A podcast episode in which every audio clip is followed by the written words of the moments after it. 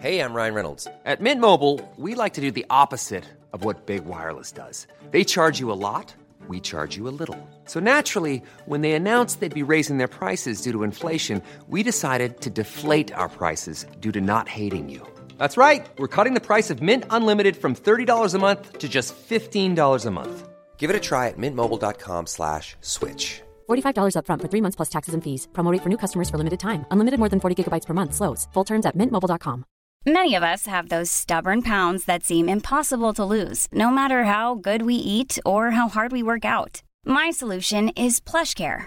PlushCare is a leading telehealth provider with doctors who are there for you day and night to partner with you in your weight loss journey. They can prescribe FDA-approved weight loss medications like Wagovi and Zepbound for those who qualify. Plus, they accept most insurance plans. To get started, visit plushcare.com slash weight loss. That's plushcare.com slash weight loss. A lot can happen in three years, like a chatbot may be your new best friend. But what won't change? Needing health insurance. United Healthcare Tri Term Medical Plans, underwritten by Golden Rule Insurance Company, offer flexible, budget friendly coverage that lasts nearly three years in some states. Learn more at uh1.com.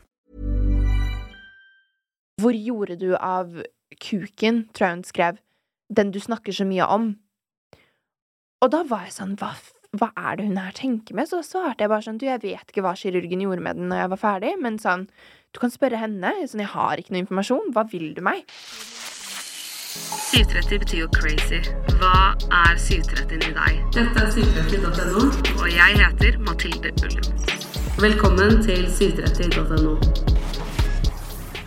Hun er kjent for å være banebrytende åpen om kjønnsidentitet, og er i mine øyne et av de modigste menneskene vi har i dette landet. Hun har figurert i internasjonale magasiner som W Magazine og Vogue, og på søndag relanserte hun sminkemerket Slayer Beauty. Velkommen, Emma Ellingsen. Ja, du har jo så mange forskjellige karrierer. Du er liksom influenser, TV-personlighet, vlogger, gründer, modell. Aktivist òg. Du er jo aktivist. Ja. Er det noe mer jeg har glemt på Um, rollene? ah, jeg tror ikke det. Jeg Prisvinner. ikke. Prisvinner. ja, ja, ja. Hva liker du å kalle deg selv? Mm, jeg tror jeg kaller meg selv mest influenser. Var det Instagram, Instagram? du begynte med? Um, hovedsakelig begynte jeg vel egentlig med blogg. Uh, og det, jeg fant masse sånn gamle videoer fra sånn Som jeg la ut på YouTube, men som gikk ut på bloggen, typ. Uh, fra sånn 2012. Så da var det liksom videoer av meg som var sånn Hei, folkens. Og da hadde jeg jo Jeg tror jeg hadde 100 lesere, og alle de leserne fikk jeg ved å liksom kommentere på andres blogger og være sånn Hei, jeg hadde satt pris på om du sjek eh, sjekka ut eh, bloggen min. Og det var liksom Det var hvordan jeg fikk lesere. Jeg tror jeg sikkert hadde kanskje én fast leser. Og det var sikkert sånn en av mine beste venner. Bloggen er nede, men de videoene er der, og det er seriøst så morsomt å se på. Og jeg som bare tror jeg er, er noe, og sitter der og er sånn Jeg tror kanskje jeg skal begynne å skrive på engelsk, fordi da når jeg ut til flere folk, og sånn. men så tenker jeg sånn, det er litt full circle moment, fordi så kom liksom YouTube når jeg begynte med det. Og det var jo egentlig det som på en måte starta det hele, vil jeg si. Um, altså etter da dokumentaren 'Født i feil kropp'. um, så fortsatte jeg med YouTube, og da begynte jeg å få følgere der. Og så gikk jo det da selvfølgelig over til Instagram og sånne ting. Em, men ja. Og så begynte jeg med engelsk, som jeg da sa i 2012 at jeg også ville, men aldri gjorde. Men jeg har tenkt Så over, fordi det er mange som kan være med i en dokumentar og fortelle Mm. historien sin, men det er veldig få som klarer å holde engasjementet og gjøre det større. Og det har du vært dritgod på. Ja, ja men jeg, jeg har faktisk tenkt litt på det. At uh, jeg syns det er ganske sykt hvordan på en måte alt gikk fra den dokumentaren til at jeg nå er her, da, og gjør det jeg gjør, og har vært igjennom det jeg har vært igjennom. Um, men jeg tror jo Jeg tror kanskje det jeg gjorde etter den dokumentaren, som var veldig em, lurt for denne veien, da, holdt jeg på å si Så det var jo på en måte da fortsette på YouTube. Så begynte jeg å lage flere YouTube-videoer hvor jeg snakka om det å være født i feil kropp, uh, og sånne ting. Og da ble det jo mye mer engasjement rundt min historie, og at folk ville vite mer, for det var jo fortsatt Altså, jeg, jeg tror i hvert fall Født i feil kropp Jeg tror det var mange unge som så den, men jeg tror kanskje det var flest eldre som så den. Um, men på YouTube da så fikk man jo et mye yngre publikum, så da tror jeg det var mye mer interesse da for folk å bare vite mer. Så, men jeg har tenkt på det, jeg også, at på en måte det har Alt starta jo med født i feil kropp, og så er jeg her i dag. syns det er morsomt å tenke på. Selvfølgelig snakker du om det du gjorde i dokumentaren, men du tar Mm. også med deg interessene dine. Ja, ja. Og gjør det til deg. Og, det, og du kan liksom vise mange sider av deg, da. Mm. At det blir ikke bare det, og at man Nei, men det syns jeg er veldig viktig også. Jeg vil jo at folk skal vite at Selvfølgelig, jeg er født feil kropp, men bare fordi jeg er født feil kropp, så betyr ikke det at det er det jeg går rundt og tenker på hele dagen. Altså, jeg tenker jo på Jeg tenker aldri på det, egentlig. Jeg tenker ikke på at jeg er født feil kropp. Jeg bare lever som meg, og så har jeg mine interesser, og det er jeg veldig glad for at jeg kan på en måte ta med folk og vise, da. Og på en måte vise folk livet mitt, eh, og at det ikke bare står av å våkne og tenke 'jeg er født feil kropp, jeg er født feil kropp', jeg er født feil kropp, liksom. At det er, det er så mye mer. Um, så det tror jeg er viktig også. og Det tror jeg er viktig for folk å se, sånn at på en måte ufarliggjør det litt. Fordi jeg tror folk kanskje hadde tenkt at det er det eneste man tenker på hvis man er født feil kropp. Um, men det er det jo absolutt ikke. Og da den dokumentaren kom ut, så kunne man så innmari lite. Ja. Det Ja. var helt Mm. sinnssykt hvor lite man kunne. Du har vært med på å lære folk om kjønnsidentitet og ta det og ufarliggjøre det, Mm. Jo, sånn at folk vet om det. Men føler du at det har vært en tyngde, eller som har vært tungt å bære på det? Um, altså, helt ærlig, jeg, var, jeg, altså, jeg tror jeg ikke helt skjønte hva jeg var med på når jeg var så ung. Uh, jeg var glad for at jeg skulle på TV. Og så var jeg sånn wow! Men så tror jeg så fort jeg så den første episoden på en førpremiere eh, Eller prem... Ja, førpremiere ble det jo. Em, så skjønte jeg at denne her dokumentaren kommer til å bety mye mer for folk enn hva jeg hadde tenkt. Um, og jeg tror også det går til det at det, jeg har aldri opplevd egentlig nesten noe motstand når det kommer til det å være født feil kropp, spesielt i barndommen. Nå er det jo en annen sak fordi sosiale medier og sånne ting, men der jeg vokste opp, um, så har det alltid vært bare helt sykt støttende mennesker. Og det, altså, jeg har vært så heldig, og jeg skjønner ikke hvordan det har vært mulig, liksom, å, å være så heldig. Jeg har ikke opplevd mobbing. Jeg har ikke, altså sånn, ingenting. Det er sånn, jeg har bare fått lov til å være meg. Um, og det er i hvert fall hvordan jeg ser det. Um, og det kan jo selvfølgelig sikkert være at folk snakka bak lukkede dører, eller at mamma og pappa fikk høre mer, men i hvert fall sånn Da klarte de i hvert fall å beskytte barnet sitt da, fra alt det vonde. Så det, det er liksom sånn jeg, jeg, jeg tror ikke jeg skjønte på den tiden hvor viktig det var å snakke om det å være født feil kropp, før Kanskje det faktisk skjedde. fint at du Ja, ikke kjente så mye på det, for du var jo så ung. Det er jo ja. utrolig stor eh, bør å bære. Ja, ja. Nei, absolutt. Um, så jeg var bare glad når jeg så den første episoden, at sånn Jeg har fått lov til å dele min historie, uh, og kanskje det kan hjelpe noen. Um, og så har den jo skapt så mye åpenhet, da, og på en måte at folk har sett det og, og skjønt at sånn Det er så mye mindre skummelt enn hva man kanskje hadde tenkt. Jeg føler at debatten fortsatt kan være litt polarisert, Mm. selv om vi snakker mer om det. Tenker du det Absolutt. samme? Ja, eh, og jeg har jo fulgt mye med på sånne ting i Amerika og sånn, og på TikTok i Amerika. Og der er det jo et ganske stort tema nå om dagen, fordi det er en um, influenser som heter Dylan, som er um, Hun er uh, født feil kropp, hun også. Eh, og hun er mye mer på starten av hennes um, uh, transition, da. Um, så hun har på en måte uh, hva heter det, dokumentert start til der hun er nå. Um, og det har jo fått veldig mange til å snakke mye mer, og det Altså, helt ærlig, jeg syns det er ganske skummelt hvordan de snakker om det. Jeg har sett videoer av folk som er sånn Det går helt fint at du er trans, men du er ikke en kvinne, så vi skal kalle deg en transkvinne, og ikke en kvinne, enkelt og greit, Um, fordi du kan ikke få barn.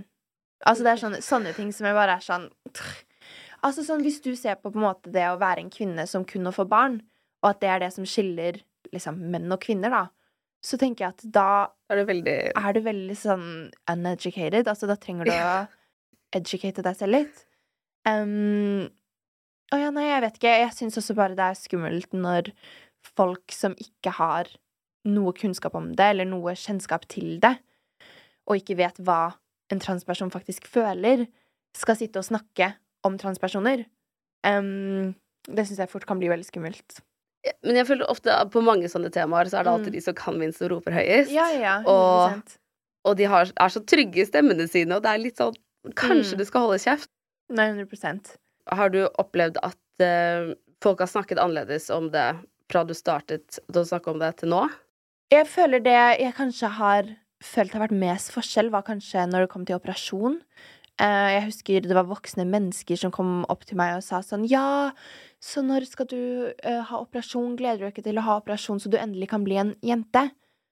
Og da satt jo jeg der og var sånn Hva?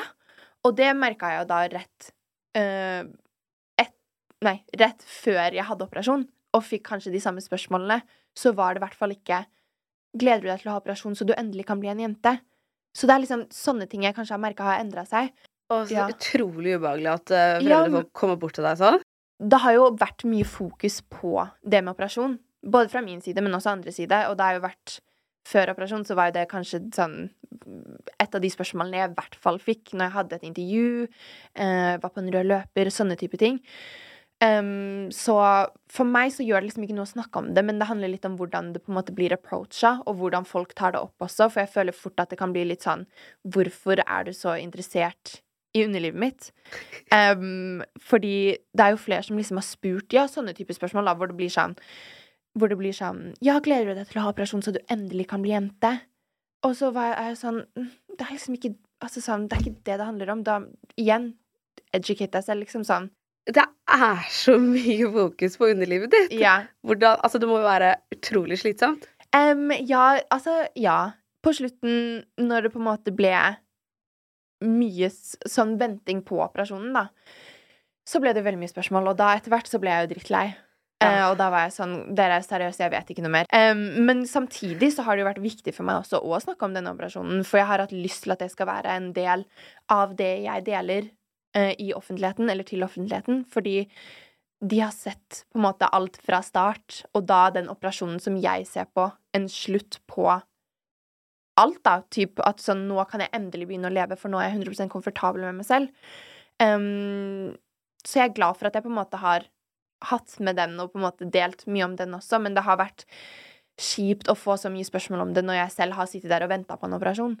Eh, og jeg har sittet og venta og venta og venta, og det er sånn når man da får spørsmål hele tiden sånn ja, når er det du får operasjonen, og liksom sånne ting, så er det sånn, du, jeg vet ikke, sånn, jeg kunne ønske jeg visste, jeg har venta på denne siden jeg var, altså 18 og kom på venteliste, men mye lenger før det også.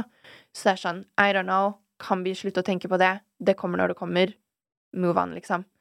Men det er ja. stor forskjell på at du er åpen og vil dele Mm. denne reisen, til at det kommer fremmede og bare Mm. spør. Ja, ja, ja. Det er det. Jeg, men jeg tror jeg kanskje syns at det har vært vanskelig å på en måte skille også. Um, når man får sånne spørsmål, så har jeg kanskje bare tenkt sånn Ja, ja, ja, det høres ut sånn. Sånn er det, og sånn er det. Men når jeg tenker på det nå, så er det jo rart at på en måte spesielt voksne mennesker er så interessert i å på en måte vite. En ting er om da jeg er på en jentekveld med vennene mine, og de spør, da er det sånn girl, vi kan snakke om hva som helst. Men sånn, jeg vet ikke. Jeg, jeg er litt enig i at jeg syns det ble Til slutt så syns jeg det ble litt mye underliv. De spørsmålene jeg fikk spesielt sånn Jeg tror jeg var sånn 12, 13, 14, og da fikk spørsmål om underlivet, så er det jo sånn Jeg tenker jo tilbake på det som om jeg var ukomfortabel, men jeg tenkte jo sånn De har en rett å vite. Og det er veldig trist. Sånn, så Var det sånn at typ liksom foreldre til folk i klassen kunne komme og spørre? Eh, ja, altså typ sånne spørsmål rett ut. Men eh, Så det, det er ting jeg har tenkt på nå i etterkant som jeg bare var sånn Oi, shit, det gjorde meg egentlig ukomfortabel. Ja, hvordan er det å se tilbake på det nå? Altså, jeg, altså jeg, sånn, jeg liker å tenke mye tilbake på ting. Um, og jeg tror spesielt i den tiden hvor jeg fikk ekstremt mye spørsmål om operasjon, som var da rett før jeg fylte 18, og etter jeg hadde fylt 18, eh, og egentlig rett før jeg fikk den, så var jeg jo sånn Da bare begynte jeg å tenke tilbake på sånn Shit, jeg har jo fått spørsmål om det her så lenge. Eh, og så bare var jeg sånn Det er egentlig litt sånn rart at på en måte sånn Underlivet mitt skal bli en så stor sak, da. Um, men samtidig så er det rart også, for jeg skjønner det litt sånn at folk er interessert i det. Det er en litt sånn derre Sånn derre Å, interessant, men sånn Man burde egentlig bare holde kjeft om det. Men Følte du at du ikke kunne bestemme grensene dine selv? Jeg føler egentlig det gikk, gikk greit. Jeg, jeg tror egentlig problemet mitt var mer med de privatpersonene som jeg på en måte snakka med. Da følte jeg at sånn Da tør jeg ikke å være sånn Nei, det her, her er jeg liksom ukomfortabel å snakke om. Én ting er når man gjør intervjuer og sånn, da, da klarer jeg å si ifra. Um, så jeg tror sånn til slutt så var det ikke det at jeg var ukomfortabel nødvendigvis av intervjuene jeg gjorde, men mer at jeg bare ble drittlei. Uh, at jeg var sånn, Hvorfor skal dette være en så stor sak når det er sånn jeg vet ikke noe mer, og la det bare ikke komme mer inn i hodet mitt, for da kommer jeg til å sitte og tenke på det hele tiden. Um, men jeg tror de privatpersonene som liksom ikke hadde et intervju, da, uh, som spurte meg at det var litt mer ukomfortabelt, og det ble litt mer sånn um, Sånn Jeg har helst ikke lyst til å snakke om det. Jeg er ikke en sånn person som tør å si sånn. Hvis det ikke da er et intervju eller sånne ting. Kanskje de grensene ble litt høyt for deg òg? Ja, men det tror jeg absolutt. Og egentlig så er jeg en person som deler veldig mye, og jeg har ikke noe problem med det. Um, men det å liksom sitte og snakke med en voksen person om et underliv, det blir liksom litt sånn Der går grensa mi. Um, men jeg har liksom Men samtidig, det er, det er ikke mange som har vært sånn, men jeg husker bare spesielt de kommentarene som var sånn At den operasjonen gjør meg til en jente. At det var det som på en måte trigga meg mest. At det da ble sånn Så Ja. du sier at jeg ikke er en jente før jeg har hatt den operasjonen? Har du ikke hørt på en dritt av det jeg har sagt? Nettopp. Så det, det er liksom Det tror jeg var det som bare fikk meg til å bli sånn Åh, Nå nå vil ikke jeg snakke noe mer om dette. Nei, fy fader. Det, Ja. Du har faen meg stått i mye. Det er liksom ikke noe jeg som sagt har tenkt så mye på, men at det heller har kommet nå i senere tid, da. Det syns jeg du fortjener en medalje for. Å, takk. takk. Jeg har jo fulgt med, deg, med på deg lenge, Ja. og så, men nå skulle jeg liksom gå heavy inn i researchen, så jeg var sånn Fy fader, så mye du må stå i! ja. Og alle de spørsmålene ble veldig tenker jeg Det er, er jo mer enn det vi ser òg. Ja, det har jo kanskje vært mer nå når jeg har blitt litt mer voksen, at jeg har blitt litt sånn shit. Mange mennesker som har en mening. Eh, og da ble det plutselig litt skumlere. Så det var en sånn under korona Jeg husker det når jeg spilte inn bloggerne, så hadde jeg fått noen kommentarer på at jeg oppførte meg litt rart, eller at jeg oppførte meg barnslig, og liksom sånne ting. Og da bare fikk jeg helt sånn breakdown, sånn derre oh my god, for det var mange som sa det også. Og jeg var sånn, dette her er meg, jeg har alltid vært sånn. Og så er jeg sånn Shit, har jeg driti meg ut hele denne tiden? Sånn, har jeg bare totalt driti meg ut? Og da ble jeg ble bare så stressa, når det spesielt er liksom voksne mennesker som er sånn Ja, Emma virker barnslig og litt som en bitch. Så er jeg sånn Oh my god. Så jeg fikk jo helt sånn der ah, Da tenkte jeg sånn Nå må jeg endre meg selv helt. Um, så det var jo litt trist. men uh, Det er kjempetrist. Ja. Jo, jo, men altså sånn Det var sånn Ja. Det var skikkelig rart. Men det er jo rart når eh, fremmede mennesker skal ha en mening om deg, Ja, og spesielt når det er negativt. og på Og på personlighet. personlighet. Personlighet, det syns jeg var helt grusomt. Men så Men det var liksom når jeg ble med i bloggerne. Så jeg var ehm, på en måte eksponert for et helt nytt publikum. Det var et helt nytt publikum. Altså sånn Folk som ser på bloggerne, er jo liksom alt fra liksom Altså 14 år sikkert til 60-70, altså bare sånn som sitter og ser på det på TV-en. Og så er det jo en Facebook-generasjon som sitter og kommenterer alt på Facebook. så det er sånn Man får med seg ting. Um, men jeg husker også at sånn Det var noen i på en måte da denne influensebransjen og denne snakkebransjen, holdt jeg på å si, som har en stemme, da, som på en måte mange følger med på, som da sa at de syns jeg var en bitch. Eh, ikke, ikke fordi de hadde møtt meg, men fordi de hadde liksom sånn Eller sånn Personen har møtt meg, så personen vet jo egentlig at jeg ikke er det, men at de på en måte så på bloggerne, da, og fikk det, det inntrykket og var sånn Ja, hun virker egentlig som en sånn bitch. Og da var jeg bare sånn Oh my god. Helt grusomt. Så da var jeg sånn wow. Så det gikk skikkelig inn på deg. Ja, det gikk skikkelig inn på meg, faktisk. Det er kjipt at det er det du får når du har stått på og vært så åpen Mm. og vist hele deg, personligheten din, alt sammen, og så får du sånne kommentarer. Ja. Det her har jeg ikke delt med noen eller sagt til noen, men jeg hadde en videoblogg jeg skulle poste på eller sende inn til bloggerne, fordi det er jo sånn at man på en måte blogger litt selv. Og da bare hadde jeg totalt breakdown. Og bare satt der og bare hylgråt. Og jeg bare var sånn, hva faen. Og så dagen etter så var jeg sånn, det der skal aldri se dagens lys. Never. Men jeg, jeg, jeg var altså så påvirka av det. Og jeg, og jeg har aldri følt det før sånn. Og det er jo folk som har sagt ting til meg før også, men det bare ble mye. Og så var jeg bare sånn, shit. Sånn, jeg bare, var, jeg bare følte at alt jeg hadde gjort og levd i, var bare en løgn. Og bare sånn, kjenner jeg ikke meg selv? Så det, det var skikkelig rart. Det var en skikkelig, skikkelig rar tid. Og plutselig så får de kommentarene mye mer makt. det var noen måneder der som jeg bare var helt sånn derre oh my god. Og du gjør deg så umotivert. Det gjør, altså, det gjør så mye med deg når sånne ting går inn på deg. Men jeg tar det positive ut fra den situasjonen jeg var i, og bare tenker at jeg har lært så mye om meg selv. Jeg har lært så mye om at jeg ikke skal la ting folk sier, gå til meg sånn som det, da. Og jeg har jo Jeg tror også det var fordi at det var kanskje første gang jeg fikk høre noe annet enn det om å være født feil kropp. Noe negativt om meg selv utenom det å være født feil kropp. Um, for jeg har alltid bare hørt sånn 'Å, jævla transe'. Og da er jeg sånn 'Oh my god, boring'. Sånn seriøst, liksom. Fakta er fakta. Jeg er en transe. Sånn. Hm? Hva skal du gjøre med det? Ingenting. Men da når man plutselig får høre noe om personligheten din, da blir det liksom en helt annen sak. Det var bare sånn, det var rart. Det var skikkelig, skikkelig rart. Så ja. Men nå går det heldigvis fint, og jeg eh, tenker ikke noe på det nå. Jeg tenker, Hvis du syns jeg er en bitch, så bli kjent med meg. Mm. Oi, det er voksent av deg. Mm. Ja, men på ekte, og jeg, er sånn, jeg vet at jeg ikke er en bitch. Så jeg lurer på hvor mange ganger jeg har sagt bitch nå. Jeg skal telle etterpå. Men jeg har en teori om at Kvinneguiden har flyttet seg til Jodel. Mm. Kvinneguiden er jeg glad for at jeg ikke fant ut av med en ung alder. Og jeg gidder ikke å la småkommentarer på en måte dytte meg ned og holde meg tilbake fra hva jeg egentlig vil. Det tror jeg er så viktig å huske på. Ja. Hvordan Mm. gjør man det egentlig? Ikke føle at de kommentarene skal holde deg tilbake fra hva du egentlig har lyst til å gjøre. Fordi plutselig så kan man bli sånn der Oi, shit, nå fikk jeg en sånn kommentar.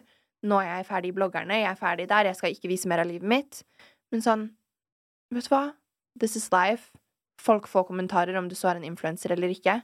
Jeg tror det viktigste er at det ikke stopper deg fra hva du har lyst til å gjøre. Mm. At du må ikke stoppe å 100%. gjøre bloggerne, du må ikke stoppe å lage videoblogger, TikTok, Instagram Mm. og det som kommer, kommer på søndag. Kom med søndag. Uh! Ja. Vil du fortelle litt om det? ja. Slayer Um, Beauty. Slayer Beauty, som da er mitt uh, sminkemerke. Um, det het jo Emma Ellingsen Beauty før, men nå har vi rebranda det til Slayer Beauty. Og jeg føler det er et navn som på en måte uh, resonates med sminken, hva vi står for, og alt sammen mye bedre. Altså sånn Slayer er jo en definisjon på liksom å drepe, basically, men sånn kill it, slaye, altså sånne ting, da. Um, jeg føler det er en mye, mye bedre vibe for sminken vi kommer ut med. Um, og så kommer vi også ut med leppeprodukter. Så vi kommer ut med tre liplinere, tre leppestifter og én gloss. Og det er sånn det beste, de beste produktene jeg har prøvd. Så jeg er sånn ekstremt gira på at folk skal få prøve det. Og jeg har jo alltid fått spørsmål om leppene mine også sånn Hva bruker du? Og liksom sånne ting. Så da var jeg sånn Det er perfekt å komme ut rett etter vi rebrander, og komme ut da med leppeprodukter. Åh, gratulerer så mye. Det er så kult. Ja. Hvordan gjør man det? Hvordan starter man å sminkemerke? Um, altså, jeg har jo på en måte da mine samarbeidspartnere som er content, som er managementet mitt, um, og de har Content Lab. Så de har jo vært altså, sånn, den største hjelpen. De er jo sånn hjelper med fabrikker, um, liksom leverandører, alt sammen. Så um, jeg er jo veldig, veldig heldig som har de som kan hjelpe meg. Um, så for meg så er det jo mer en på en måte kreativ prosess å prøve ut sminke, se om jeg liker det. um, gjøre endringer på liksom selve produktene og sånn, men de er jo på en måte de som har mest kunnskap da bak alt. Og liksom hjelper med fa fabrikker, sånne type ting. Jeg er ekstremt takknemlig for at, eh, for at de også hadde troa på meg når det kom til dette.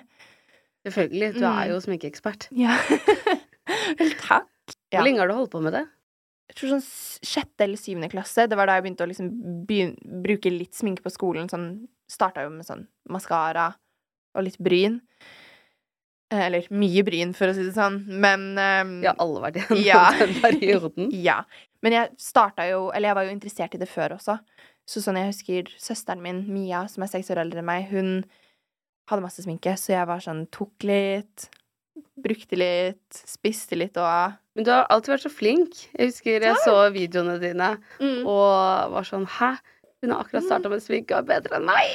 Oh my god, serr? Ja. Vel, takk. Jeg vet ikke. Altså, for meg så tror jeg det har kommet mye av at jeg liksom har sett på mye sminkevideoer. Um, og mye Altså, Kardashians er livet mitt. Så jeg tror sånn Når det kom til de også, så har jeg bare sånn sett på sminken deres og vært sånn Åh, jeg må ha samme sminke. Um, så ja, jeg tror Jeg tror jeg, jeg Helt ærlig, jeg har bare lært av liksom YouTube-videoer og å se på sånn pop culture, reality shows og sånne type ting hvor det bare er mye sminke. Og så har jeg bare sittet og prøvd og lekt meg rundt, og så har det bare blitt, blitt bra til slutt, da. Ja, for det er jo veldig få på din alder som kan si at de har startet sitt eget sminkemerke. Altså sånn ting jeg aldri hadde lært på skolen, har jeg lært nå på grunn av jeg jobber da, med det jeg gjør. Ja, for du, du slutta også litt tidligere på skolen. Mm, jeg droppa ut etter første videregående. Er ikke det kult at du har droppa etter første videregående og nå har sykere karriere enn noen? um, jo, altså jeg er veldig glad for at det gikk denne veien. Og jeg tror hadde jeg fortsatt på videregående, så hadde ikke influenserkarrieren vært noe jeg hadde gjort. Fordi skole for meg har alltid vært et rent helvete. Altså sånn, det har vært grusomt. Jeg har hatt slitt med mye lærevansker, og så har jeg ADD. Så det har vært vanskelig å konsentrere seg, og det har vært umotiverende. Jeg har liksom ikke aldri følt at jeg fikk til noe på skolen, da. Um, jeg husker jeg fikk sekser på én prøve, liksom, og det var jeg sånn Woho! Da var jeg så Altså, på lykkerhuset sikkert sånn en måned, og jeg bare sånn mm -hmm, Jeg har en sekser, så ja. Um, um, men så, så jeg begynte på helse og oppvekst når jeg starta på videregående, og det var bare helt feil. Jeg trodde jeg hadde elska det, men det gjorde jeg ikke etter jeg var i liksom sånn praksis og prøvde ut ting og sånn. For jeg tenkte at mennesker var det jeg ville jobbe med, men ikke på den måten. Men er det et yrke jeg har ekstremt mye respekt for, så er det helsefagarbeidere og folk som jobber i barnehage, på eldrehjem, sånne type ting. Altså sånn så så mye, og jeg trodde det var det jeg ville, men det var det ikke. Så ble egentlig bare jeg og mamma og pappa enige om at sånn, vi prøver et friår for å se, for jeg klarte ikke å fokusere på sosiale medier-delen når jeg gikk på skole. Um, så vi prøver et friår hvor vi ser, og vi tenkte sånn Det blir bare et friår. Men så dro jeg aldri tilbake, og nå er jeg her. Så skal ha lansert sminkemerket. ja. Ja. Men. Nei, så det er veldig morsomt hvordan det har fungert, da. Veldig. Altså, sånn helt sykt. Ja, det er helt sykt. Ja. Men du sa du har ADD. Hvordan mm. er det for deg? Altså For meg Det er egentlig ikke noe jeg tenker så mye over. Um, jeg føler ikke Jeg tror det har på, påvirka hverdagen min mer enn hva jeg føler, men jeg har på en måte ikke noe å sammenligne det med. Um, men det har jo vært mest sånn i forhold til skole og sånn, hvor jeg har på en måte bare ikke klart å konsentrere meg i det hele tatt. Um, og det er ikke det at jeg ikke har lyst til å konsentrere meg, det er bare det at det genuint går ikke. Sånn, jeg hopper ut. Sånn, jeg kan sitte og liksom prøve å fokusere, og så bare hopper jeg ut til noe annet. Um, men jeg ja. Jeg vet ikke. Så, så det er sånn Det har jo definitivt påvirket meg, men jeg har liksom ikke noe konkret jeg kan si sånn Dette er hva jeg føler det har gjort, liksom. For jeg, jeg, jeg syns det er vanskelig, men jeg tror Jeg tror det bare Det gjør at jeg er veldig flink på ting jeg er interessert i. Uh, og ting jeg ikke er interessert i, det klarer jeg ikke. um, Ser du på det som en styrke? Faktisk, når jeg snakker om det nå, så merker jeg det at sånne ting jeg er interessert i, kan jeg alt om. Um, så kjendiser og jobben jeg gjør nå, og sånne type ting, kan jeg absolutt alt om. Og filmer, sanger Altså, det er sånne ting jeg interesserer meg sånn ah, så mye jeg kan snakke om i evigheter. Men så kommer det til liksom sånn Geografi kan, kan seriøst ikke en dritt. Venner har prøvd å lære meg det, og jeg er sånn Åh, så hvor er Spania? jeg vet ikke. er det sånn? Eller sånn på kartet, da. Jeg vet jo sånn, mm, sånn, Det er ikke så langt unna. Det er sånn tre-fire timer i fly. Nei, nei, men det er sånn, så sånne, sånne type ting jeg lærte på skolen, sånn Selv om jeg prøvde så hardt, bare Det gikk ikke. Um, men nei, så ting jeg er interessert i, det, det kan jeg mye om, og det ser jeg på som en styrke, virkelig. Tar du medisiner? Nei. Ikke noe. Jeg prøvde når jeg var mindre, men det var bare bivirkninger og shit. Så det er sånn Jeg tror ikke jeg har en veldig sånn sterk kan, Helt ærlig, jeg kan ikke mye om ADD. Jeg har bare fått høre hele oppveksten sånn når jeg har vært på sånn BUPA og liksom sånne ting, at det bare er sånn ADD, ADD. Um, kan du si hva BUPA er? BUPA, det er uh, Oh my god. Uh, jeg husker ikke hva forkortelsen er. Barne- og ungdomspsykiatri? Ja. Uh, og så Um, nei, så altså sånn hele oppveksten min har jo egentlig vært liksom sånn bupa. Oi. Mm, altså sånn jeg har både av det, dysleksi, men også det å være født feil kropp, har jeg snakket om der, for der, det var der jeg hadde psykolog.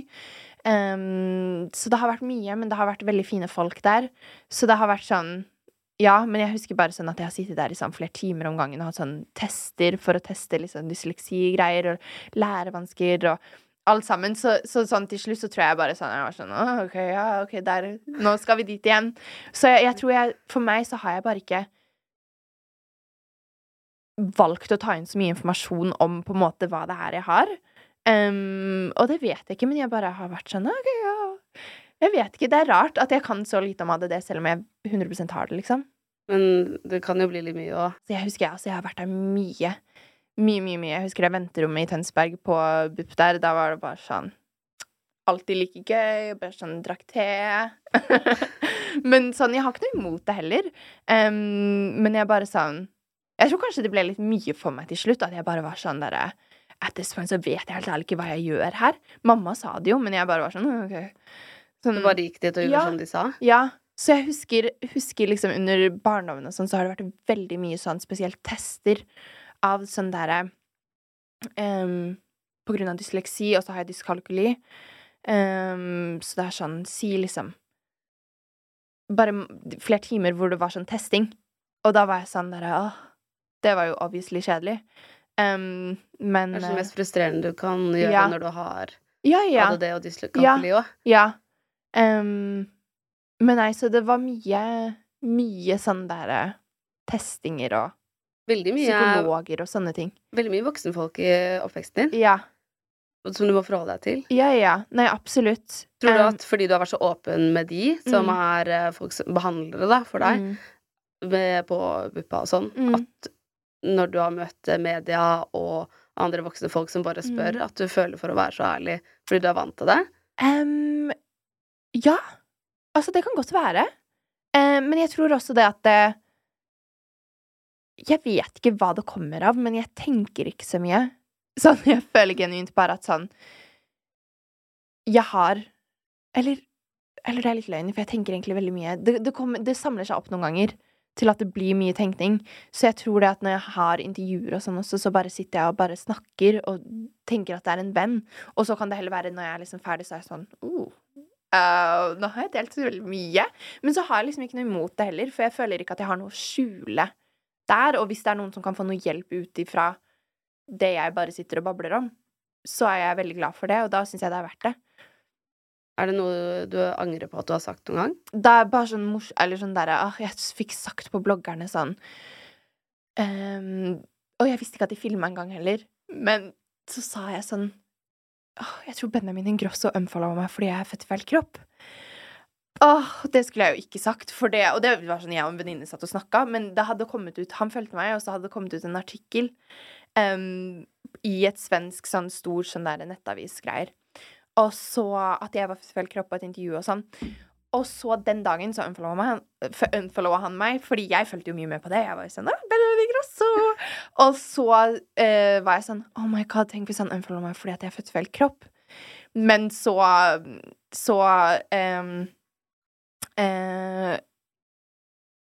uh, Jo, så fikk jeg sagt det, og så la Nettavisen ut en artikkel på det. Og så spurte de også han om De spurte om å få en replikk fra han. Og da var jeg sånn Oh my god, så utrolig flaut. Og han bare nei, nei, det er ikke liksom the case og noe som helst, liksom. Så jeg var bare sånn der Fy fader, det her, her er så flaut. Um, og jeg var sånn Det var ikke meningen at det skulle bli noe engang, liksom. Uh, men så, så det, da angra jeg litt. Det, men det samtidig var jo liksom ikke jeg som hadde sagt noe til noen. Det var bare sånn Trodde ikke kameraene var på. Og så var jeg på Vixen med en venninne hvor han skulle opptre. Men sånn, jeg vet jo nå at han ikke gjenforma meg fordi jeg var født- i feil kropp.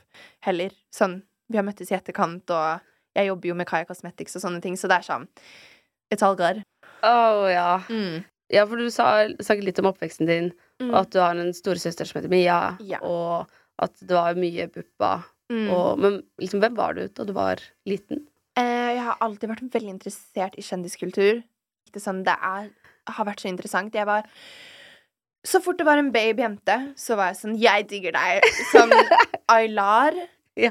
Oh my god, hun var sånn oh, Jeg elska hun så mye. Triana Iglesias når hun var med på Skal vi danse, med fjær. Um, jeg var veldig ekstra, føler jeg, som et barn. Uh, jeg elsket å kle meg ut. Um, elsket å på en måte bare Sånn, Jeg husker jeg ville hjem tidlig fra overnattinger fordi at jeg hadde lyst til å ha søndagen for meg selv, så jeg kunne kle meg ut. Og bare være på rommet mitt og bare Woo! Um, så jeg vet ikke, jeg føler bare sånn at jeg var en Hadde mye energi. Var det da Agneta kom fram? Hva? Hva? Hva? Hvordan vet du om Agneta? Oh my god! Agneta? Ja. What the fuck? Hvordan vet du om Agneta? Jeg snakka med Mia. Oh my god, som jeg fortalte deg? Ja. Oh my god. Ja, det var da Agneta kom frem. Agneta var jo da en liten sånn alter ego-vibe. Det var kanskje sånn jeg var sånn 13. Um, så pleide jeg bare å ta på en sånn stygg parykk som jeg hadde klippa kort. Uh, så gikk jeg inn på rommet hennes, og så var jeg sånn med aksent og sånn, så var jeg sånn «Å, det er Agneta, og liksom sånne ting. Whatever. Det var så morsomt. Men det var sånn Tok med den parykken, og det var liksom parykken som var Agneta, da. Eh, så jeg tok med den parykken til ferier vi dro på, på sommeren, sånne ting, og bare var henne hele tiden. Så, så Agneta har en spesiell plass i hjertet mitt. Det sa jeg. Oh, så morsomt. Jeg ble så sjokka når du bare Agneta. Jeg bare Hæ? Hvordan faen vet du det? Så jeg føler bare som barn så var jeg veldig sånn energetic. Elsket kjendiser. Britney Spears var liksom dronningen min. Så jeg husker også søsteren min. Hun var jo litt gal, hun òg, da. Hun, når jeg var sånn Hvor gammel var jeg? Jeg var kanskje sånn fem eller seks. Så eh, hadde Britney, Madonna og Christina Aguilera opptredd på VMAs. Og så er hun sånn Eller AMAs. Ja, noe sånt. Um, og så er hun sånn Ja, eh, Emma, nå må du komme og se. Sånn bare så du vet det, så kommer de jentene her til å kysse, så du må bare sånn passe på. Så så jeg jo, og jeg ble jo helt sånn derre hva, hva skjer nå? Og så hun liksom viser meg alle videoer av Britney, og liksom sånn alt sammen, musikkvideoer og hele pakka. Så hun har liksom influensa meg til å liksom elske Britney Spears. Og egentlig de fleste kjendiser som jeg elsker i dag. Åh, samme. Mm. Mamma var sånn Hun ville ikke at jeg skulle holde på med de tingene, så jeg følte jeg måtte liksom finne fram til ting i skjul. Ja. Ingen av vennene mine var interessert. Sære? Ingen likte sminke. Oh ingenting. Så jeg, du var helt alene? ja, Ah, veldig kjipt. Ja! Men det skjønner jeg. Det er vel mye av de vibesene på sminken du har lansert Ja, òg. 100 Og sånn navnet også er jo veldig inspirert av Buffy the Vampire Slayer. Altså sånn, det er livet mitt. På ekte. Det er genuint sånn En av mine personlighetstrekk er Buffy the Vampire Slayer, og det er jeg faktisk veldig stolt av å si også. Um, så sånn Vi hadde jo en Ja. aprilsnarr med deg Ja! i 730. Oh my god! Ja, det, altså, det var også bare sånn drøm når jeg fikk den tonemanageren min som ringte og bare sånn Har du lyst til å pranke folk med at du skal liksom spille nye Buffy? Ah, jeg var sånn Hvem er disse menneskene som vil gjøre dette med meg? Dette er liksom drømmen min. Åh, det er så gøy. Jeg elsker det når folk bare forstår en vibe. Så bare Ja. man. ja, og bare Ja. skjønner Ja, ja. Ja, ja. Vi Nei. spiller hverandre gode. Ja. Så på Instagram så heter jeg jo også Emma the Vampire Slayer. Um, så, og TikTok. Så det um, var sånn Slayer, Beauty Perfekt. Hey, it's Danny Pellegrino from Everything Iconic.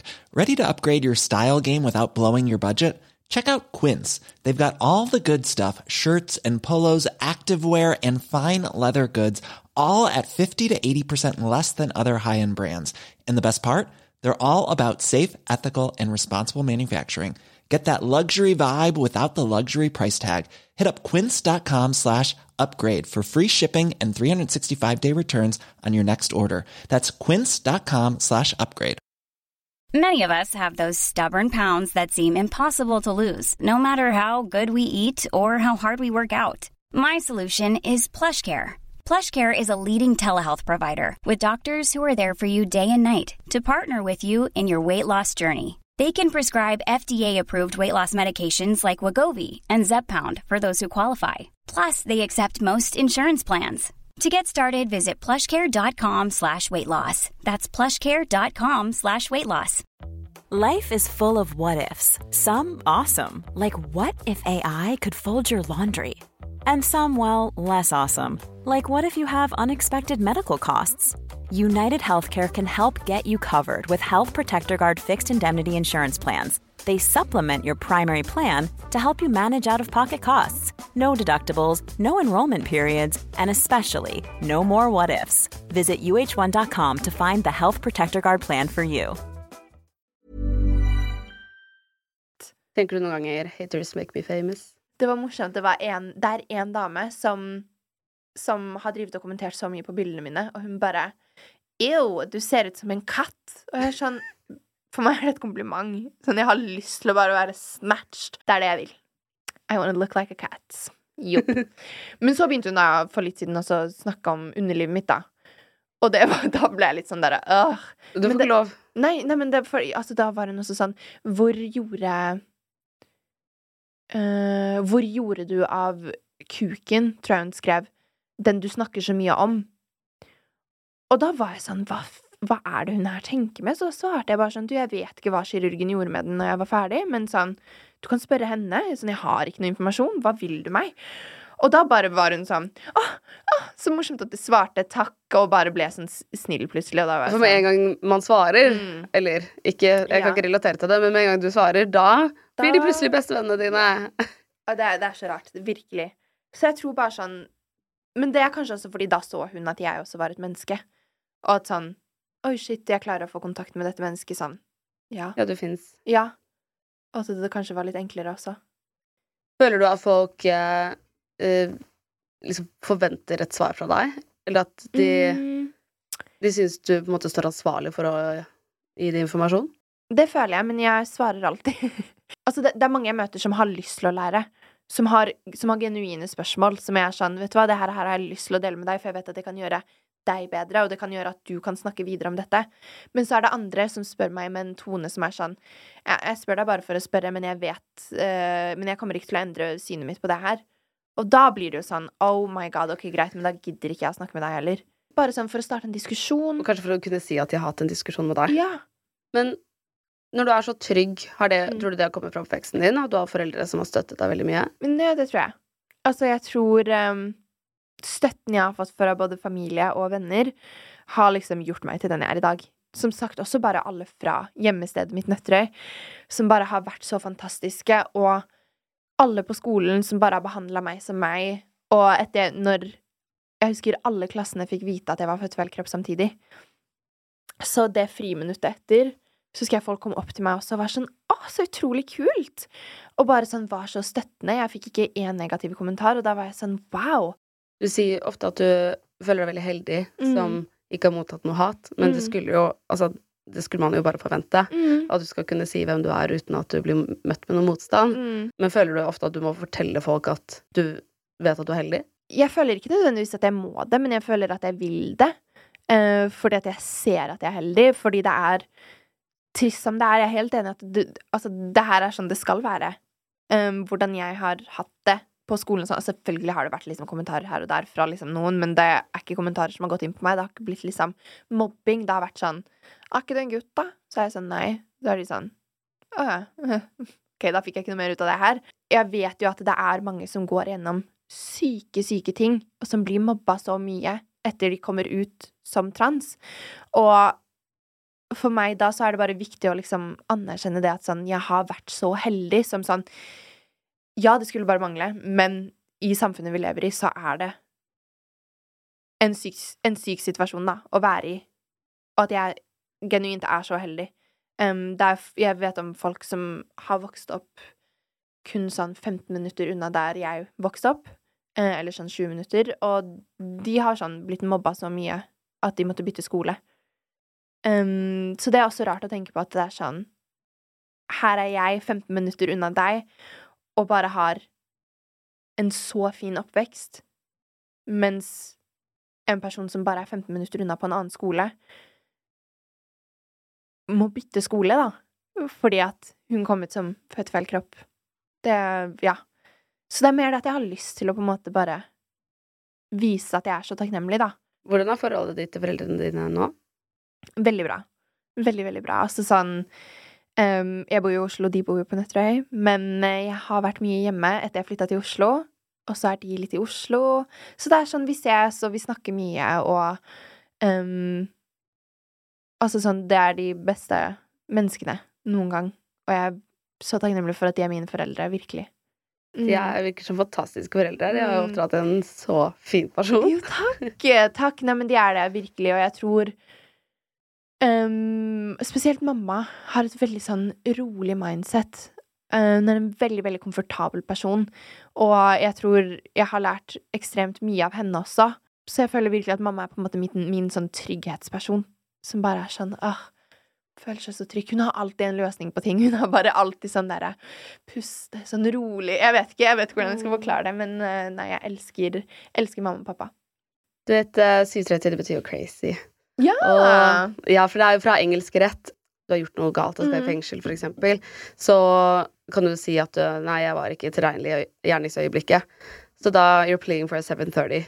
At man ja, ja, må være litt crazy for å kunne drive med det eh, for eksempel du gjør, eller Kamelen, eller Ja, ja. Victoria Nadine gjør. ja. Så eh, Og så prøver vi å finne ut hva er liksom 730 i deg. OK! Så Ok, morsomt. ja, fordi det, du skiller deg jo veldig ut med at du har yeah. hatt en så syk karriere så lenge, og yeah. holdt på å starte så tidlig. Yeah. Jobbe så målrettet. Hva, tror du, hvor tror du det kommer fra? Har jeg lyst til å gjøre noe, så gjør jeg det. Det eneste jeg har hatt lyst til fra jeg var liten, er på en måte det her. Det var det jeg sa også når jeg var mindre. Så, så når jeg var liten, så sa jeg jeg skal bli kjendis. Eller spion. Det gjør meg rørt å tenke på at på en måte lille meg også er stolt av store meg. Hva tror du hun hadde sagt hvis hun hadde sett deg nå? Tror hun er ekstremt glad og stolt. Og helt sikkert i ekstase. Ja. Sikkert sånn hopper rundt og bare wow! Har du noen ting ved jobben din som du ikke liker? det er liksom kanskje mer den tankegangen rundt det man poster. Og sånn, man poster mye annonser og sånn når man er influenser. Og fort så kan man føle sånn Shit, det blir mye. Ehm, det blir mye annonser på rad. Og den overtenkingen rundt hva andre skal tenke om ting. Jeg tror kanskje det er det jeg misliker mest. Det er jo egentlig jævlig rart at måte jobben min er å på en måte poste ting for å liksom At andre skal like det. Men så er det jo gøy også, da. Men, eh, men jeg vet ikke. Så jeg, jeg tror kanskje det. Den overtenkingen rundt hva andre tenker om deg etter du på en måte kommer ut med noe. Og spesielt hvis det er mye annonser. Jeg tror Mm. annonser er det som på en måte bare er sånn «Åh!» Som bare stresser meg mest, fordi da blir jeg sånn Shit, nå har jeg posta liksom Gina Tricot, og så har jeg posta Naked, og så har jeg posta Kai Cosmeric sånn etter hverandre, og så er det ikke noe mellom der. Så da blir man bare sånn Arr. Ja, du sa jo til 730 i sommer at du snakker litt med noen her og der. Ja. Um, ja, han jeg snakket med i sommer, det fungerte ikke helt. Åh. Åh. Jeg er jo litt på dateren. Så jeg liksom dater jo litt her og der, møter litt mennesker og litt gutter og sånne ting. Ehm, men det syns jeg er veldig Jenter også? hyggelig. Nei, Nei. ikke jenter. Men altså plutselig Jeg har alltid vært veldig åpen om sånn Blir jeg forelsket i en jente, så blir jeg forelsket i en jente. Så det er sånn Når det kommer til seksualitet, så er jeg ikke så veldig sånn som på en måte labeler meg selv. Ehm, for jeg er sånn genuint, jeg vet ikke. Jeg tror egentlig ikke man helt 100 vet før man dør. Men eh, jeg er åpen for alt. Det er jeg virkelig. Så eh, Men nei. For nå så er det bare gutter. Gutter jeg har hatt mest følelser for. Um, men nei, så jeg bare dater. For meg Å, så var det viktig å vente på den operasjonen. Ja. Uh, fordi at det, jeg følte meg Jeg føler det av Når det kommer til dating, så har jeg vært to helt forskjellige personer før og etter operasjon. Før operasjon så levde jeg i en kjendisfantasi hvor jeg bare ble forelsket i kjendiser og folk som jeg ikke skulle møte. så jeg var sånn Jeg satt og bare var sånn Josh Hartnett og bare sånn ah, Obsessa over kjendiser. Um, og for så vidt gutter også, men jeg var bare sånn Jeg kommer aldri til å møte deg. Sånn, ikke før jeg har hatt operasjon. Eh, og så etter operasjon så bare åpna det seg så mange nye dører hvor jeg var mye mer komfortabel med å gi mer av meg selv. Ikke nødvendigvis bare seksuelt, men også bare sånn Eller 100 seksuelt, men sånn eh, Også liksom mind, og bare sånn dele ting av meg selv, da. Eh, for jeg har, var sånn Jeg skal ikke ha sex før etter operasjon. Det skjer ikke. Um, så nei. Så det var veldig sånn Kan jeg spørre, har du gjort det nå? mm. Hvordan var det? Altså, jeg tror generelt det å på en måte ha sex første gang er skummelt, og jeg tror man dealer alle med sine ting. Um, men for meg så var det en Det var med en person jeg var veldig trygg på, um, og som jeg likte veldig godt, så jeg var Jeg følte meg liksom Jeg følte det var en fin opplevelse. Um, det gjorde jeg absolutt, så det er uh, Ja. Fin opplevelse. Det føler jeg. Så ja, jeg vet ikke. Jeg er fornøyd, jeg er fornøyd med hvordan det skjedde første gang. Virkelig. Det tror jeg. Jeg, jeg, tror ikke, jeg tenkte ikke så mye på at jeg var, liksom, hadde operert og liksom sånne ting heller. Jeg var bare sånn Det skjer, vi har en bra connection, og det er det som er viktig.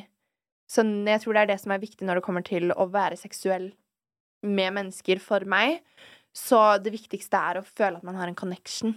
Eh, eller i hvert fall at jeg føler noe for det, denne personen jeg skal gjøre det med, og at det ikke er en random person, for det det klarer jeg ikke. Altså sånn, da blir jeg sånn Eller stakk. Sånn, ja. Det skjønner jeg godt. Mm.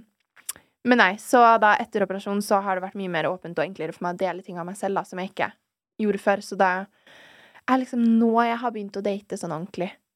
Um, men det er veldig hyggelig. Dater du noen spesielle nå? Jeg, uh, altså uh, Jeg var på en date uh, tidligere denne uken, og vi skal møtes igjen. Og det er bare veldig hyggelig. Veldig startsfase. er Veldig sånn ja. Men sånn Det er veldig hyggelig. Han er veldig Veldig hyggelig. Åh, ja. Ja. Er du forelsket? Nei, jeg er ikke forelsket. Altså, sånn, jeg føler sånn Helt ærlig, jeg tror jeg aldri har vært forelska. Så jeg føler sånn Eller jeg håper i hvert fall ikke det. Jeg håper at jeg bare føler sånn Jeg er forelsket. Sjarmerende fyr. Veldig hyggelig. Så jeg håper jo selvfølgelig at vi liksom møtes igjen, og det har vi planer om. Ja. Så koselig! ja. Har han møtt de fantastiske foreldrene dine? Nei. Mm -mm. Nei, altså, det er veldig startfase. Så jeg Ja.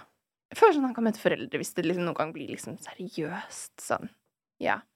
Vi er ikke der. Vi er ikke der. Nei. Mm -mm. Ikke ennå. Men nei, som sagt, veldig hyggelig fyr, så Håper Så vi ses, hyggelig. Hvordan ses fant dere hverandre? Vi har kjent hverandre litt siden barndommen. Uh, men ikke sånn kjent-kjent, men bare sånn hvis vi hverandre var, og så har vi fulgt hverandre på Instagram en stund. Så begynte vi bare å snakke der, og så snappe, og så har vi egentlig prøvd å møtes ekstremt mange ganger før, men så har det aldri funka. Um, og så Og så bare Nå så var jeg sånn Du, hva med mandag? Ja. Og så gjorde vi det, og så var det veldig hyggelig. Um, ja, du er jo allerede en internasjonal stjerne. Har du lyst til å jobbe i utlandet? Det er egentlig det som har vært drømmen hele tiden. Um, jeg har veldig, veldig lyst. Før så var det alltid LA. Sånn alltid. Jeg har alltid sett for meg et liv der. Så var det London. Nå er jeg faktisk litt tilbake på LA, hvor jeg har veldig lyst til å bare Ikke nødvendigvis at jeg flytter dit for godt, men sånn være der i noen måneder. Um, og sånne ting. Jeg har jo på en måte influensere derfra jeg ble kjent med. Jeg ble invitert til en bursdag nå. Det var sånn Ah, det var faktisk grusomt. Jeg hadde dratt hvis jeg, jeg hadde hatt tid, men jeg måtte jo skaffe sånn visa, visumgreier og hele pakka. Um, men hun sendte meg invitasjonen på Jeg tror det var en torsdag, og så var bursdagen lørdag. Eller om det var Hun sendte det på en onsdag, og så var bursdagen lørdag. Så jeg var sånn, jeg begynte å se på flybilletter og var sånn Sånn, jeg må dra. Sånn, jeg kommer til å møte liksom så mange av de jeg liksom kjenner på sosiale medier og sånne ting. Men eh, så kunne jeg jo ikke det. Men eh, nei, så jeg, jeg tror det hadde vært kult å oppleve liksom forskjellige steder i verden hvor jeg kjenner folk som driver med det samme som meg, da. Ja, det hadde du kledd. Mm, takk. Du hadde kledd å være en stor stjerne over hele verden. ja. ja, men jeg tror bare også det å Når jeg var i London, så møtte jeg veldig mange influensere som jeg liksom kjenner litt fra før av. Og på en måte det influensemiljøet som var der, var så sykt refreshing å være en del av også. Det var sånn Alle var bare sånn, tok bilder hele tiden. Jeg har aldri vært så motivert til å poste liksom en Instagram-story. Jeg poster ikke Instagram-stories. Sånn Jeg føler meg low-key som Norges dårligste influenser, fordi jeg bare jeg, Jo, jo, men sånn jeg sitter og har en så fin måltid foran meg. Hva gjør jeg? Jeg bare begynner å spise. Jeg tar ikke bilde av ting. Sånn, det går ikke. Og jeg kunne ønske at jeg var en sånn menneske som var sånn Fin utsikt. Ka-ching! Og så bare poste på Insta. Men det faller meg ikke inn. Åh, ikke det er litt deilig? Det er litt deilig også, så Ja. jeg trives med det. Sånn, ja. Du har et eh, liv ved siden av dette ja. Det er litt godt å høre. Ja. At ikke, at ikke kamera spiser først alltid. Nei, nei, nei, nei. Så nei, men influensemiljøet, i hvert fall i London, var så sykt refreshing når jeg på en måte møtte alle. Det var bare sånn ah, Så sykt sånn digg. Var det der du ble venn med Olivia Neal? Um, nei, altså, hun Hun Det var i 2019, tror jeg, så begynte vi å snakke på sosiale medier. Og så um, har vi bare snakka frem og tilbake, og jeg under korona så har jeg planlagt sikkert fire London-turer hvor jeg har bestilt flybillett, men så har det blitt avlyst med en gang, liksom. Fordi Eller rett før det skjer, fordi enten så ble det smitteutbrudd um, Det derre Hva het det andre Hvorfor Omikron? Omikron! Ja. Omikron kom, og så da måtte jeg avlyse. Det var liksom bare sånne der ting hele tiden. Så når jeg endelig da fikk dratt, så var det jo så morsomt, fordi da um, uh, Hun ene venninnen min, Alison, uh, hun jobber som modell der, og vi er i samme modellbyrå i London. Uh, og hun kjenner også Olivia, og liksom sånne ting. Så det var sånn Da uh, var det sånn Ja, Olivia fikk oss inn på et sånn afterparty på noe sånn fashion award-greier. Så vi kom jo dit, og det var bare seriøst så morsomt, og da fikk jeg møtt alle, og liksom Ja, så det, det er sånn jeg vet ikke, så fine mennesker i London, faktisk. Og det ble jeg også sjokka over, for de er ganske store der også. Det er sånn, Vi har masse følgere og en stor liksom, fanbase. Så det var så kult å på en måte bare møte de og bare se at sånn, ja, de er som de er på sosiale medier. Så det er alltid en god følelse når man møter sånne mennesker, da. Har du lyst til å bli med på et spørsmålsrunde? Ja! Ladies and gentlemen. Instagram spørsmålsrunde. Instagram spørsmålsrunde. Um, det er veldig mange som lurer på hvor du drar ut på byen. Oh my god, hvor jeg drar ut på byen. Ok, så Er det lavvo? Nei, faktisk, jeg har ikke vært på lavvo. Ikke heller. Ah, jeg føler low-key at jeg kommer til å bare begynne å dra ut på Skaugum. Du vet Etter at du har sagt det nå, så kommer det til å være så lange køer. Har du noen gang anbefalt noe du liker skikkelig godt, og så blir det utsolgt, utsolgt overalt? For jeg hadde jo sånn moneypiece hvor jeg bleka frontpiecen i håret. Så sa jeg hvilken blekning jeg brukte, og da var det så vanskelig å få tak i den så lenge etter. Og da var Alle jeg sånn, det. er det meg? Hva, sånn, ja, altså, sånn, jeg vil ikke være høy på meg selv og være sånn, jeg fikk den utsolgt, men sånn, da var jeg sånn, jeg fikk alltid tak i denne før, men not anymore. Uh, hvem er ditt største style-inspo? Oh my god. Akkurat nå så tror jeg faktisk Kendall Jenner. Uh, det er noen som lurer på om du er singel. Det er jeg. Um, single, så ja. Dater jo litt, da. Her og der. Men jeg er singel. Nå er det noen gutter som blir glade. Hva gir deg mest frykt? altså, jeg syns døden er veldig, veldig ekkelt å tenke på. Jeg tror Det har vært perioder hvor jeg har hatt, sånn- hatt sånn skikkelig dødsangst. Hvor jeg bare har vært sånn Hva skjer egentlig etter døden? Og så hører du jo folk med dems teorier. Det er forskjellige religioner som mener forskjellige ting. Så genuint, man vet ikke hva som skjer. Ikke nødvendigvis å dø, men hva som skjer etter døden. Mm. Og man på en måte lever livet feil for at man skal oppnå lykke etter, etter død, da. Den eneste måten å få svar på, er jo å dø. Ja, nettopp. Tror du på livet etter døden? Jeg tror på livet etter døden. Men jeg håper at det bare blir helt sort. Altså sånn, Jeg håper at jeg kan være der i min egen begravelse, og så blir det bare helt sort. Det hadde vært veldig deilig. Jeg drømte en gang at man får en statistikk Mm. over alt du har gjort, liksom. Hvor mange ganger har du gjort andre glade? Hvor mange Oi! ganger har du gjort andre lei seg? Ja. Jeg følte det her kunne vært en film, egentlig. Oh my Også, god! Og liksom hvor mange gruppechatter har det blitt nevnt? Og, og liksom hvor ofte har du snakket positivt om andre ja. og negativt om andre? Hvem har du egentlig vært? Oh my god! hva- For å få en sånn skikkelig sånn derre Hva angrer Ja. du på? Eller Oh sånn. my god, men det hadde vært kult. Og jeg tror, jeg, jeg tror veldig på karma. Så jeg tror ofte at um, karma har mye å si på Det er sånn jeg går inn og ut av faser hvor jeg tror på forskjellige ting som kan skje etter døden, men jeg tror ofte på Eller egentlig så tror jeg på reincarnation. At man får et liv etter døden, og at man får et nytt liv. Og jeg tror karma har veldig mye å si på hva du får i det livet. Så eksempel, da. Jeg var kanskje en person som mobbet en transperson i mitt forrige liv. Og derfor er jeg her i dag som en transperson, for å lære. Og jeg tror, jeg tror det at sjelen vår skal lære så mye i alle de livstidene vi skal gjennom, så man da til slutt oppnår noe som da er større. Mm. Oh, wow. Mm, jeg husker mamma sa det til meg, faktisk. Hun hadde en bok hvor det sto masse om det. Så sa hun det, og da var jeg sånn wow, wow, wow. Makes sense. Så jeg tror sånn Jeg tror karma Om det så ikke kommer til deg i denne livstiden, så kommer det til deg i neste. Eh, er det mye kroppspress som modell?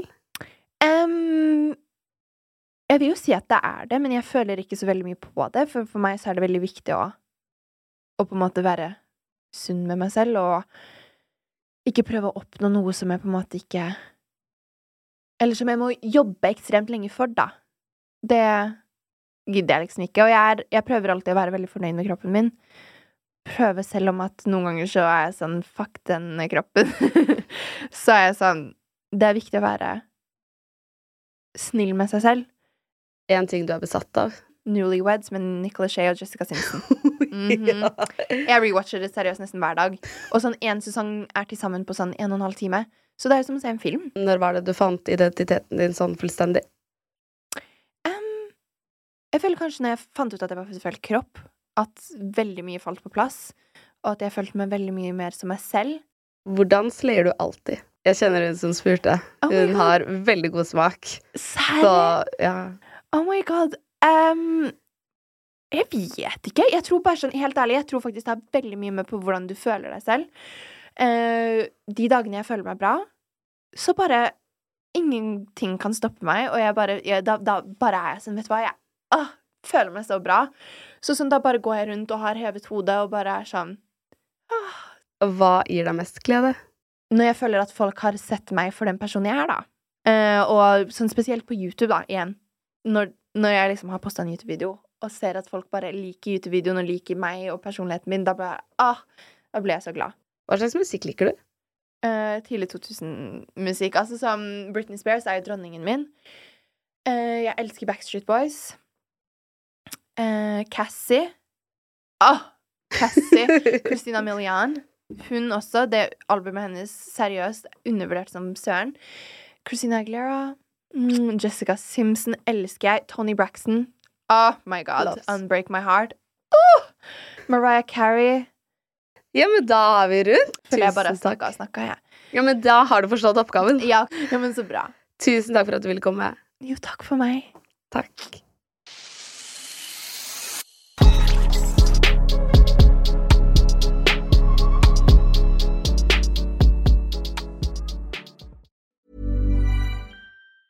Even on a budget, quality is non-negotiable. That's why Quince is the place to score high-end essentials at 50 to 80% less than similar brands. Get your hands on buttery soft cashmere sweaters from just 60 bucks, Italian leather jackets, and so much more.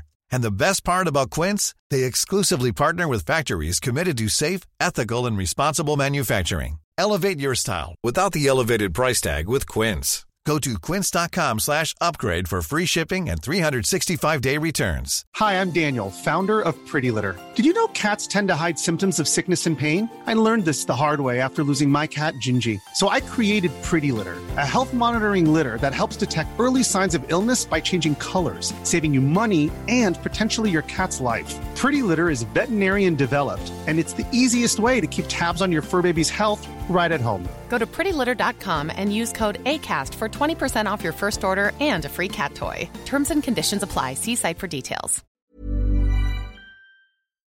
Tusen takk for at du hører på 730-podden. Hvis du har lyst til å være veldig kul, så er det bare å legge igjen fem stjerner. Og da blir jeg veldig glad, fordi det er jeg som lager alt til denne podden. Og jeg trenger masse gode stjerneanbefalinger for å kunne be sjefen min om litt høyere lønn. Så det hadde vært veldig fint. Jeg slipper nye episoder hver eneste tirsdag. Og hvis du ikke har hørt alle ennå, så er det bare å spole tilbake i biblioteket. Og trykker du på følg, så kommer alle de nye episodene rett inn i spilleren sekundet de blir sluppet. Send meg gjerne en DM hvis det er noen du har veldig lyst til å ha som gjest. Og husk at vi alltid poster spørsmålsrunder på Instagram Story, så da kan du få med spørsmålet ditt i neste episode hvis du vil det. Ha det bra!